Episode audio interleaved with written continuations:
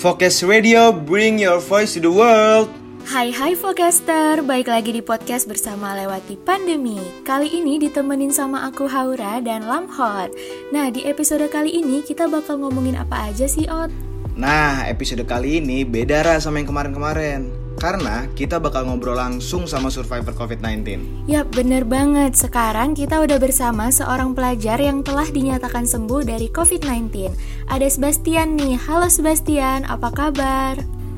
Hai, hai, baik. Lagi sibuk apa nih Sebastian? Hmm, lagi sibuk organisasi aja sih sama persiapan buat UTS. Sebastian, ceritain dong sebelum dinyatakan positif, kamu ada ngerasain gejala apa sih? Hmm, jadi sebenarnya sebelum saya dinyatain positif, uh, saya nggak nggak ngerasain gejala apa-apa sih, karena uh, waktu itu kebetulan ibu saya duluan yang dinyatakan positif dan karena ibu saya dan karena saya kontak erat sama ibu, akhirnya saya, kakak saya dan adik saya tuh disa- disuruh sama dokter buat uh, dites dan akhirnya ketahuan positif. Jadi kayak saya, tapi emang akhirnya setelah ketahuan positif kayak beberapa hari kemudian baru ngerasain gejalanya sih kayak batuk-batuk.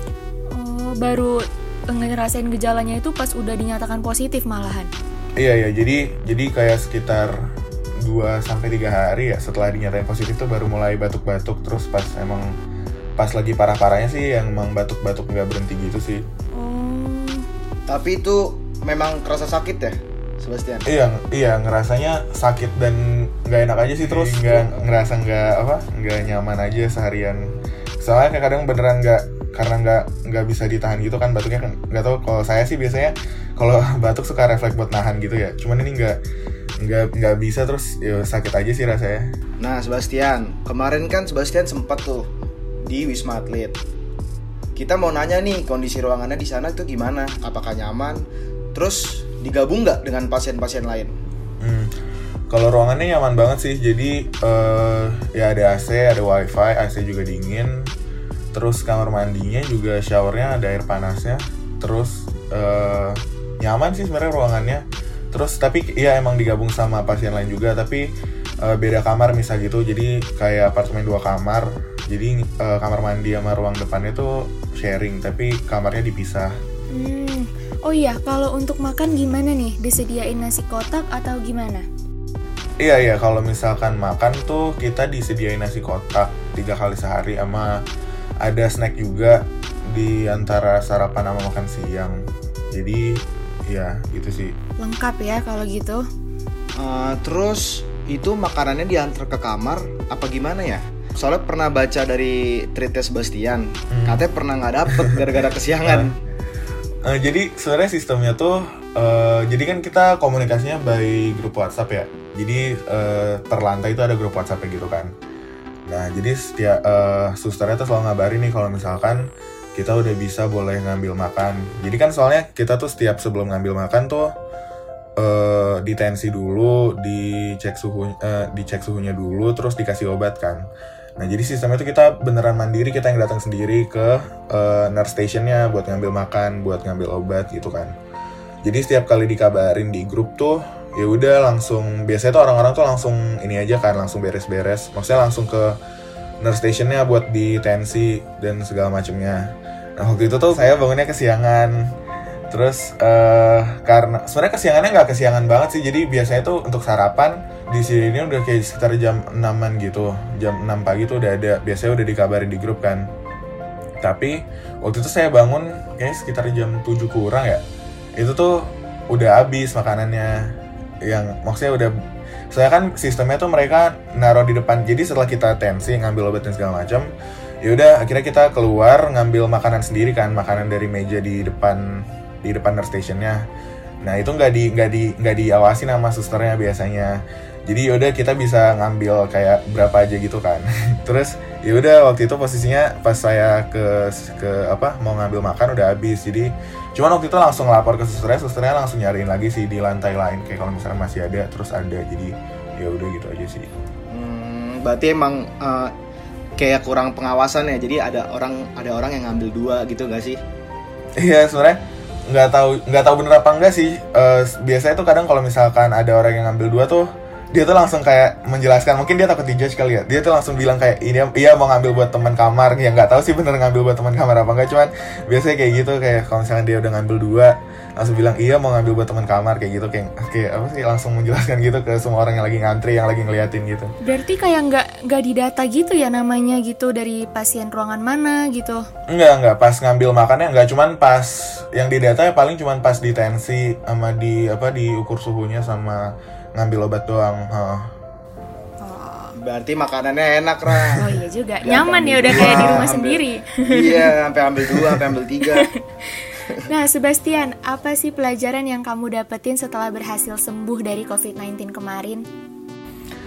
Sebenarnya sih pelajaran yang dapet eh apa ya? Paling maksudnya saya kan kemarin sebenarnya ngejalanin apa ya? Saya juga kemarin jarang-jarang keluar dan beneran ngejalanin protokol kesehatan cuman akhirnya kena juga kan. Eh, jadi maksudnya yang pasti COVID-19 tuh nggak beneran ada sih maksudnya kayak sebenarnya kan mungkin selama ini mikirnya kayak ya udah cuman cuman sebatas berita doang yang kayak kita lihat di HP dan segala macam denger di TV tapi pas setelah nge- ngalamin sendiri ya emang bener maksudnya emang se apa ya semudah itu untuk menular. Soalnya waktu itu sebenarnya sebelum tahu kalau misalkan ibu saya eh, positif kan saya waktu itu nemenin di rumah sakit. Jadi kayak pas ibu saya batuk-batuk tuh saya di sebelahnya ibu saya santai aja tuh nonton TV itu maksudnya pas ibu saya makan terus makanan yang nggak habis saya saya yang ngabisin pakai sendok yang sama gitu kan. Maksudnya ya emang kayak agak agak kedengeran agak bodoh atau gimana gitu. Cuman maksudnya waktu itu karena nggak kepikiran aja kan. Waktu itu juga tes rapidnya ibu saya tuh tiga kali negatif. Jadi nggak mikir ke mana-mana kan oh ya udah paling cuma sakit biasa. Jadi maksudnya semudah itu untuk menular dan eh, apalagi untuk orang tua yang udah apa yang ibu saya kan kena diabetes itu tuh beneran eh, parah banget dampaknya. Dan waktu itu ibu saya tuh parah banget sampai harus masuk ICU dan pakai ventilator. Dan paru-parunya tuh udah putih dan segala macam gitu kan kata dokter. Tapi akhirnya eh, puji Tuhan masih bisa sembuh. Jadi itu maksudnya eh, mungkin buat kita yang masih muda ya udah aja gitu istilahnya ya maksudnya bukan ya udah aja sih cuman bisa sembuh cuman maksudnya untuk orang tua kita itu parah banget dampaknya jadi maksudnya itu sih pelajarannya jangan sampai akhirnya karena eh, kita yang mungkin careless akhirnya maksudnya akhirnya nyebab, nyebabin orang lain yang kena gitu. Nah, Sebastian, untuk terakhir nih, ada nggak sih pesan untuk teman-teman agar lebih aware sama COVID? Karena kalau dilihat sekarang nih, bener-bener tuh di luar tuh udah kayak normal aja. Iya nggak sih? hmm Iya kan? ya Mm-mm, makanya dari Sebastian sendiri ada gak pesan buat teman-teman di luar? Hmm, itu sih balik lagi maksudnya jangan sampai karena kita sa- kesannya udah nggak peduli soalnya kayak kayaknya makin ke sini tuh walau maksudnya walaupun kasus makin tinggi orang-orang tuh udah nggak setakut dulu nggak sih pas pertama banget eh, ada berita tentang COVID-19 maksudnya ya jangan sampai karena kita sekarang udah kesan udah nggak peduli nggak sepeduli itu sama COVID-19 malah nyebabin orang-orang di sekitar kita yang akhirnya dirugikan dan malah kena. Dan ya kita nggak mau kejadian tapi kalau misalkan dengan kejadian yang kita nggak bisa nyalahin siapa-siapa juga kan. Maksudnya ya udah dari kita eh, sekarang jaga diri aja jaga orang-orang di sekitar kita biar nggak ada yang kena kayak gitu aja sih Nah, itu tuh teman-teman buat yang dengerin podcast ini ya. Jadi kita emang harus jaga diri banget nih. Gak cuman buat kita sendiri, buat teman-teman di sekitar kita juga, buat keluarga kita juga. Ya, apalagi untuk orang di rumah itu kita harus jaga banget kesehatannya. Nah, bener banget tuh.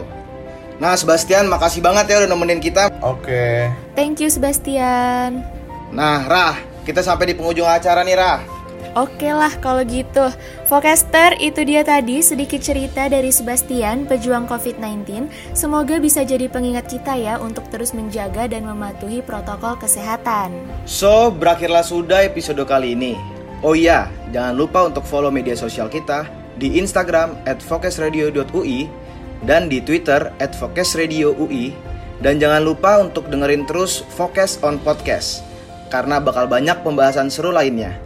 Sampai jumpa di episode selanjutnya, only on Focus, on Podcast.